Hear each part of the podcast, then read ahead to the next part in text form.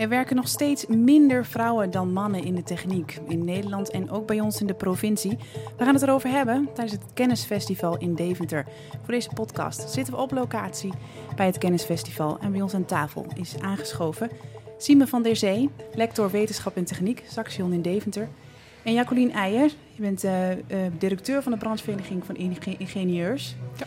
En tegenover mij zit uh, Hans Bellert, mijn collega. En mijn naam is Jacco Meijboom. En we gaan het eens even over dit onderwerp hebben. Goed idee, goed idee. Want hoe zit dat eigenlijk? Ik zou bijna willen zeggen, hebben vrouwen wel genoeg interesse in de techniek en kunnen we het wel? We gaan het er eens even over hebben.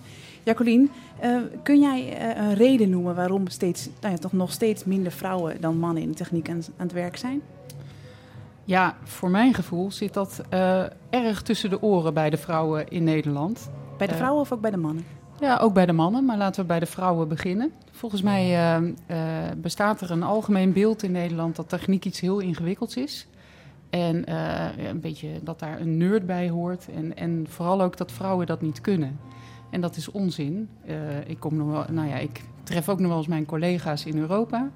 En met name in Oost-Europa is het heel normaal dat vrouwen techniek kunnen. Ook echt keiharde techniek.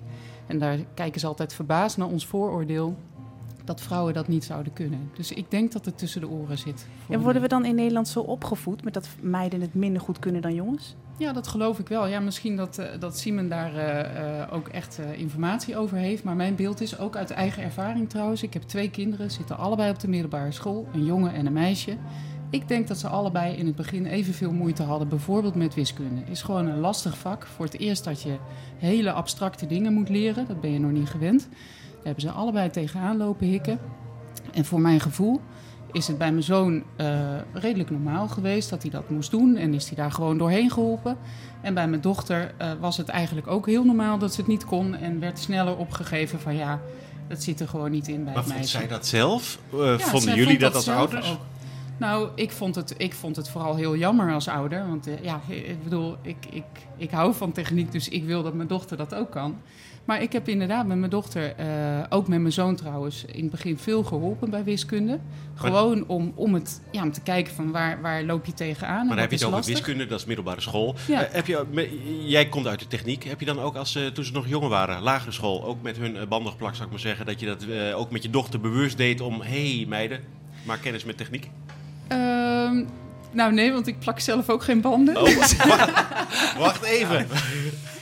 Brengen we die naar de oh. fietsenmaker of laten we onze man dat doen? Ja, maar dat is wel interessant. Ja. Toch? Ja, Want je, nee. je, moet toch. Da, ja, van de Zee, waar. we hadden het juist in het voorgesprekje er ook even over. Je moet als ouder ook, geloof ik, het voorbeeld geven. Hè? Ja, ik weet niet of je noodzakelijk zelf banden moet plakken. Ik weet niet of dat nou of echt een voorbeeld. duidelijk verband is tussen het banden plakken en daadwerkelijk kiezen voor de techniek. Uh, maar wat in ieder geval uh, wel zo is, is dat je kinderen daar wel bij kunt ondersteunen. Heel veel van de dingen die jij noemt, uh, die herken ik ook vanuit het onderzoek. Dus ook de bijzondere Nederlandse positie. Dat wij hier inderdaad tussen de oren, niet alleen meisjes en niet alleen vrouwen, maar iedereen eigenlijk tussen de oren heeft van techniek, technologie, dat is een mannending. Uh, dat is voor mannen. En als we het dan hebben richting basisonderwijs, dan zien we al dat zelfs bij de kleuters, dat kleutermeisjes, uh, dat die denken, ja, rekenen is voor jongens en taal is voor de meisjes. Uh, en dat is bijzonder. Van hoe komt dat op zo'n jonge leeftijd dat dat er eigenlijk al in zit? En wat zijn dan al die, die maniertjes die wij hebben, onbewust, want we doen het niet bewust natuurlijk. We gaan niet zeggen tegen onze kleutertjes, nou uh, meisje, uh, taal, dat is jouw ding en dat, rekenen, daar moet je niet aan beginnen. Maar geef het antwoord eens. Ja, dat zijn allemaal subtiele dingetjes die we communiceren. Dus één voorbeeldje hoe subtiel dit, hoe subtiel dit gaat, is een onderzoek naar kleuterjuffen. En daarvan weten we dat die soms zelf ook enige angst hebben voor rekenen. Rekenangst, wiskundeangst noemen we dat. Uh, als een juf een hele hoge rekenangst heeft, draagt ze die onbewust over op de meisjes in de kleuterklas. En wat we in het onderzoek zagen, is dat dat had een negatief effect op de prestaties op het gebied van rekenen van de meisjes. Maar niet alleen dat, aan het eind van het jaar hadden die meisjes ook het stereotype beeld in hun hoofd van taal is mijn ding En rekenen, dat is voor de jongetjes. En die kleuterjuffen doen dat natuurlijk niet bewust. Die gaan dat, en als je ze vraagt van behandel je de kinderen anders? Nee, tuurlijk niet. Maar toch gebeurt er in dat proces heel veel subtiele signaaltjes gebeuren er... waardoor toch die boodschap min of meer overkomt. Dus het kan zijn dat een kind net iets minder hulp krijgt. Of als een, een, meisje moeite heeft met een bepaald werkje. Dat dan wordt gezegd, ja het is ook moeilijk. Hè? Het is ook lastig. Terwijl bij een jongetje wordt gezegd, nou pruts nog even verder. En dan kom je er niet uit, dan help ik je wel. En dat soort boodschappen, die zouden echt wel een verschil kunnen maken tussen de oren. Maar zijn daar onderzoeken naar gedaan? Want is het niet zo dat meiden ook gewoon minder goed erin zijn? Dat is heel, eh, dat is heel interessant. Hè? Er is heel veel onderzoek, dat is eigenlijk de meest oude verklaring. Dus als we teruggaan in de tijd, dan had je in de 17e eeuw... waren er al filosofen die, die beweerden... ja, maar vrouwen hebben gewoon tere hersenvezeltjes. en dan werd echt beweerd, ja, laat ze, ik, ik ben bezorgd om die vrouw... dus laat ze alsjeblieft niet bezig gaan met wiskunde... want die hersenvezeltjes, die gaan knappen. laat ze alleen kleren. Dus doe alsjeblieft niet dat onderwijs. Dat is nooit gebleken, hè? Nee, dat is nooit gebleken. uh, dus, uh, dus dat, dat en dat blijkt dus nog steeds niet. Hoewel het steeds terugkomt dus als we nu kijken naar hersenonderzoek, dan zeggen ook heel veel hersenwetenschappers: er zit een verschil tussen mannen en vrouwen. En uh, de hippocampus is bij vrouwen bijvoorbeeld groter. Nou, dat heeft ook te maken met emoties verbinden aan de waarneming. En dan zeggen ze: ja, daardoor komt het dat die vrouwen zo enorm empathisch zijn. En er is zelf één onderzoekster die schrijft dan op basis daarvan: daardoor kan een vrouw voorvoelen wat haar partner voelt. Dus de vrouw weet eerder wat haar partner voelt dan dat de partner het zelf voelt. Nou, uiteindelijk blijkt dat dus helemaal niet te kloppen als je al het onderzoek bij elkaar doet. En we weten vanuit hersenonderzoek hebben we geen eenduidige verschillen kunnen vinden die überhaupt verklaren waardoor er meer vrouwen of minder vrouwen in de technologie zijn dan mannen. En ook andersoortig onderzoek niet, genetisch en hormonaal Het zit niet onderzoek. in de mens dus? Nee, het zit dus niet in de aanleg. Dus als we een verklaring willen vinden, moeten we echt kijken naar hoe voeden we kinderen op? Hoe is het onderwijs ingericht? En hoe, uh, hoe ontwikkelt die interesse zich? Maar mag je, dat twee, uh, mag je dat in twee delen splitsen, namelijk het onderwijs en uh, de thuissituatie? dat mag. Ja, volgens mij versterken die elkaar ook. Dus die thuissituatie, volgens mij is het ook vrij subtiel. Hè? Ik denk dat er weinig ouders zijn die nu nog zeggen van... Uh, ik voed mijn dochter heel erg anders op dan mijn zoon... want ze zijn heel verschillend en mijn dochter moet met poppen spelen... en mijn zoon met, uh, met uh, gereedschap. Ik denk niet dat er heel veel ouders zijn die dat doen. Maar als ik ook naar mezelf terugkijk... toen kende ik nog niet mijn, mijn Oost-Europese collega's dan uh, merkte ik wel dat ik als ik drie keer aan mijn dochter, tenminste als mijn dochter gewoon stelselmatig uh, voor poppen koos en niet voor, uh, voor auto's of andere dingen, dat ik dacht, nou ja, het zal wel in het meisje zitten, het zal wel normaal zijn. Dus het is niet zozeer dat we het stimuleren, maar we remmen het, of we stimuleren ook niet de andere kant. Het zit gewoon volgens mij zo sterk ingebakken in onze cultuur en in, in onze overtuigingen als, als, ja, als, als Nederlandse samenleving, dat het ook uh, bijna vanzelf het doorgeven aan een volgende generatie.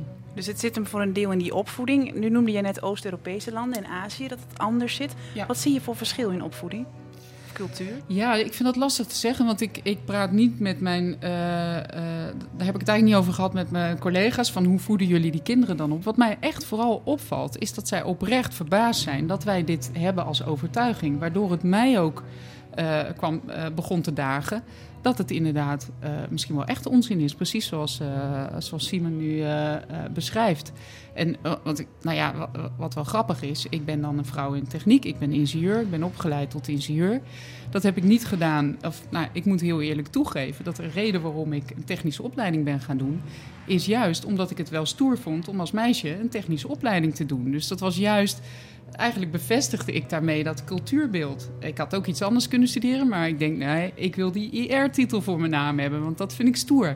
En ook omdat je het interessant vond, neem ik aan. Ja, tuurlijk, maar ik vond, ik vond heel veel andere dingen ook interessant. Ik had wel honderd dingen willen studeren. Dus het, uh, de doorslag voor mij was wel uh, uh, het stoeren aan die ingenieurstitel voor een meisje. Waarmee ik eigenlijk bevestig dat het opvallend is. Bijzonder zou zijn alsof je als meisje, als je als meisje techniek begrijpt. Nou is natuurlijk de grote vraag, uh, hoe gaan we dit veranderen? Ja. Want uh, we constateren dat het, uh, dat het niet opschiet. Nederland is het slechtste jongetje uit de klas, internationaal gezien. Zo'n beetje, heb ik het begrepen. We constateren dat er geen reden is om in de mens zelf daaraan te twijfelen. Het zit in de opvoeding, in, in het onderwijs. Ja, meneer Van der Zee, u bent van die sector. ja. Wat zegt u dan? Ja, dan zeg ik dat we nog heel veel dingen te doen hebben en op heel veel verschillende manieren en op heel veel verschillende uh, momenten. Maar als je alles uh, doet, doe je niks, zou je nee, kunnen zeggen. Waar moeten we ons op concentreren? Ja, nou, in eerste instantie, alles begint eigenlijk bij kennis. Toen ik van uh, een aantal jaar geleden, toen ik hier nog niet mee bezig was met dit thema, wist ik heel veel dingen gewoon simpelweg niet. En dan let je er ook op niet op. Dus je bekijkt de wereld niet vanuit dat perspectief. Totdat ik mij hierin ging verdiepen en in het onderzoek ging verdiepen en doorkreeg van, oh, op die manier doe ik zelf bepaalde dingen ook en ben ik daarmee bezig. En op het moment dat je er kennis van hebt, kan je handelen ook gaan aanpassen. En dat geldt zowel voor ouders, maar geldt ook voor leerkrachten.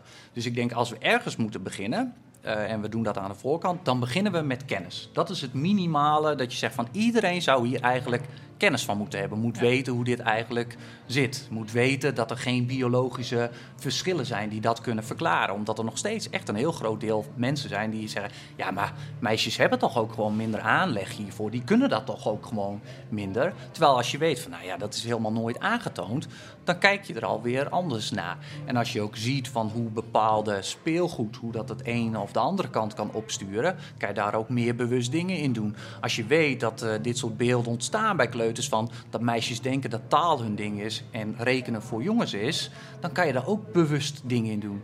Zelf ook een dochter en in de kleuterklas uh, had zij ook het, op een bepaald moment het idee dat rekenen vooral voor jongens was. En dat jongens ook beter zijn in rekenen.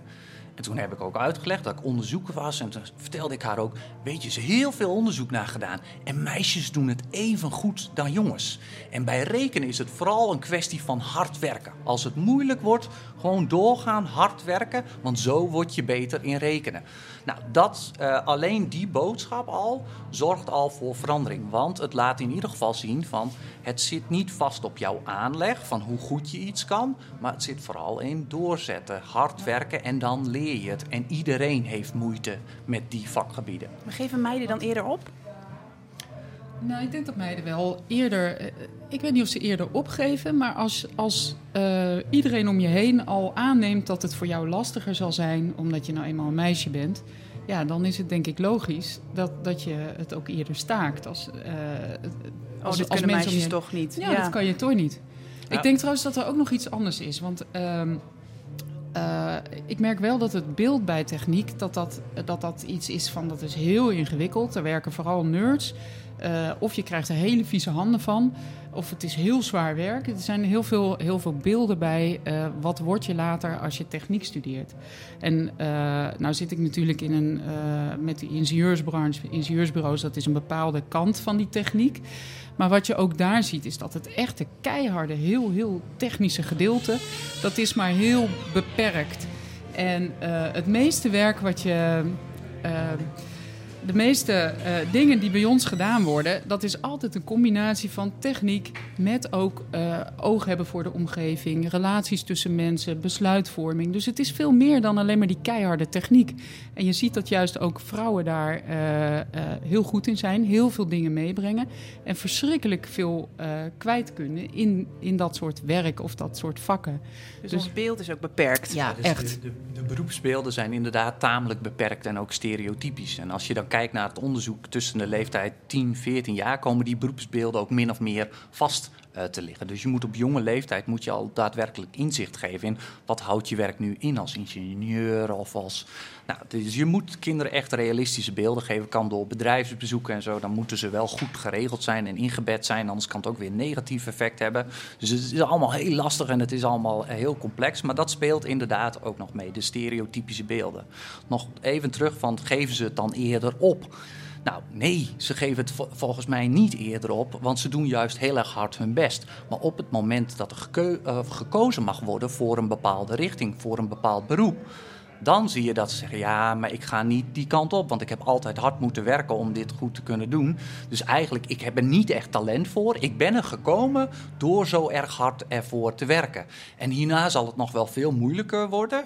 Uh, dus laat ik dat maar niet gaan doen. En dat speelt dan naast natuurlijk nog alle perspectieven op hoe word je aangekeken als jij daar naar ja, kijkt. Als je tiener of bent, als je daarvoor dan, kiest. Ja, exact. Moet je zoals Jacqueline stevig in je schoenen staan, wil je gewoon de keuze maken die jij graag wilt maken. En je gaat toch makkelijk met een groep mee en uh, je wil jezelf niet ja. te veel afscheiden van de rest. Ze hebben één heel, ik vind een heel interessante studie. Daar werden uh, twee groepen er kregen twee doelen, werd, werd er onderscheid tussen gemaakt. Leer academische doelen, daar kan je mee bezig zijn in je puberteit. Maar het andere is ook nog romantische doelen.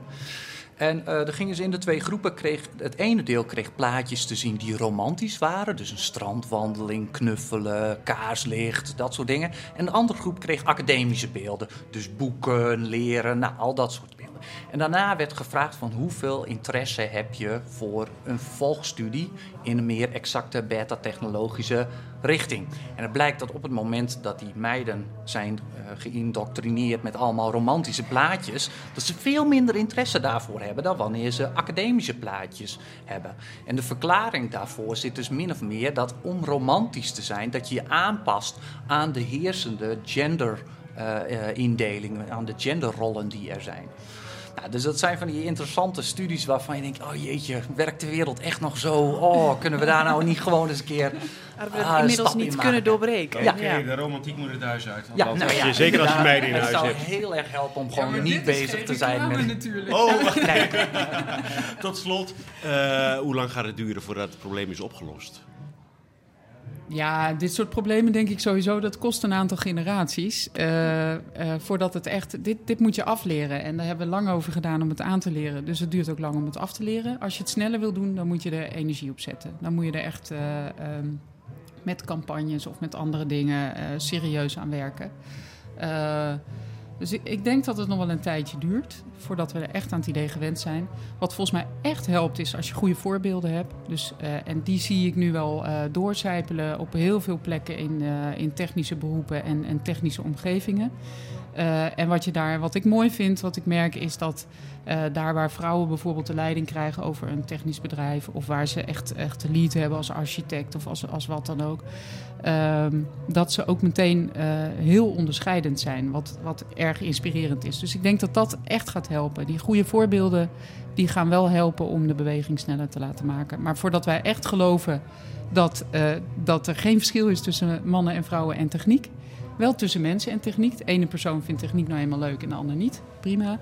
Maar voordat we zover zijn, ik ben bang dat dat nog wel even gaat duren. Ja, Siebe van der Zee. Ja, ik uh, heb eigenlijk precies hetzelfde perspectief erop. Ik vind alleen ten aanzien van dit, uh, nou ja, dit specifieke punt, denk ik van de mensen die we echt on board moeten krijgen hiermee. Want alle vrouwen die er werken zijn er wel van doordrongen en zijn ook rolmodel.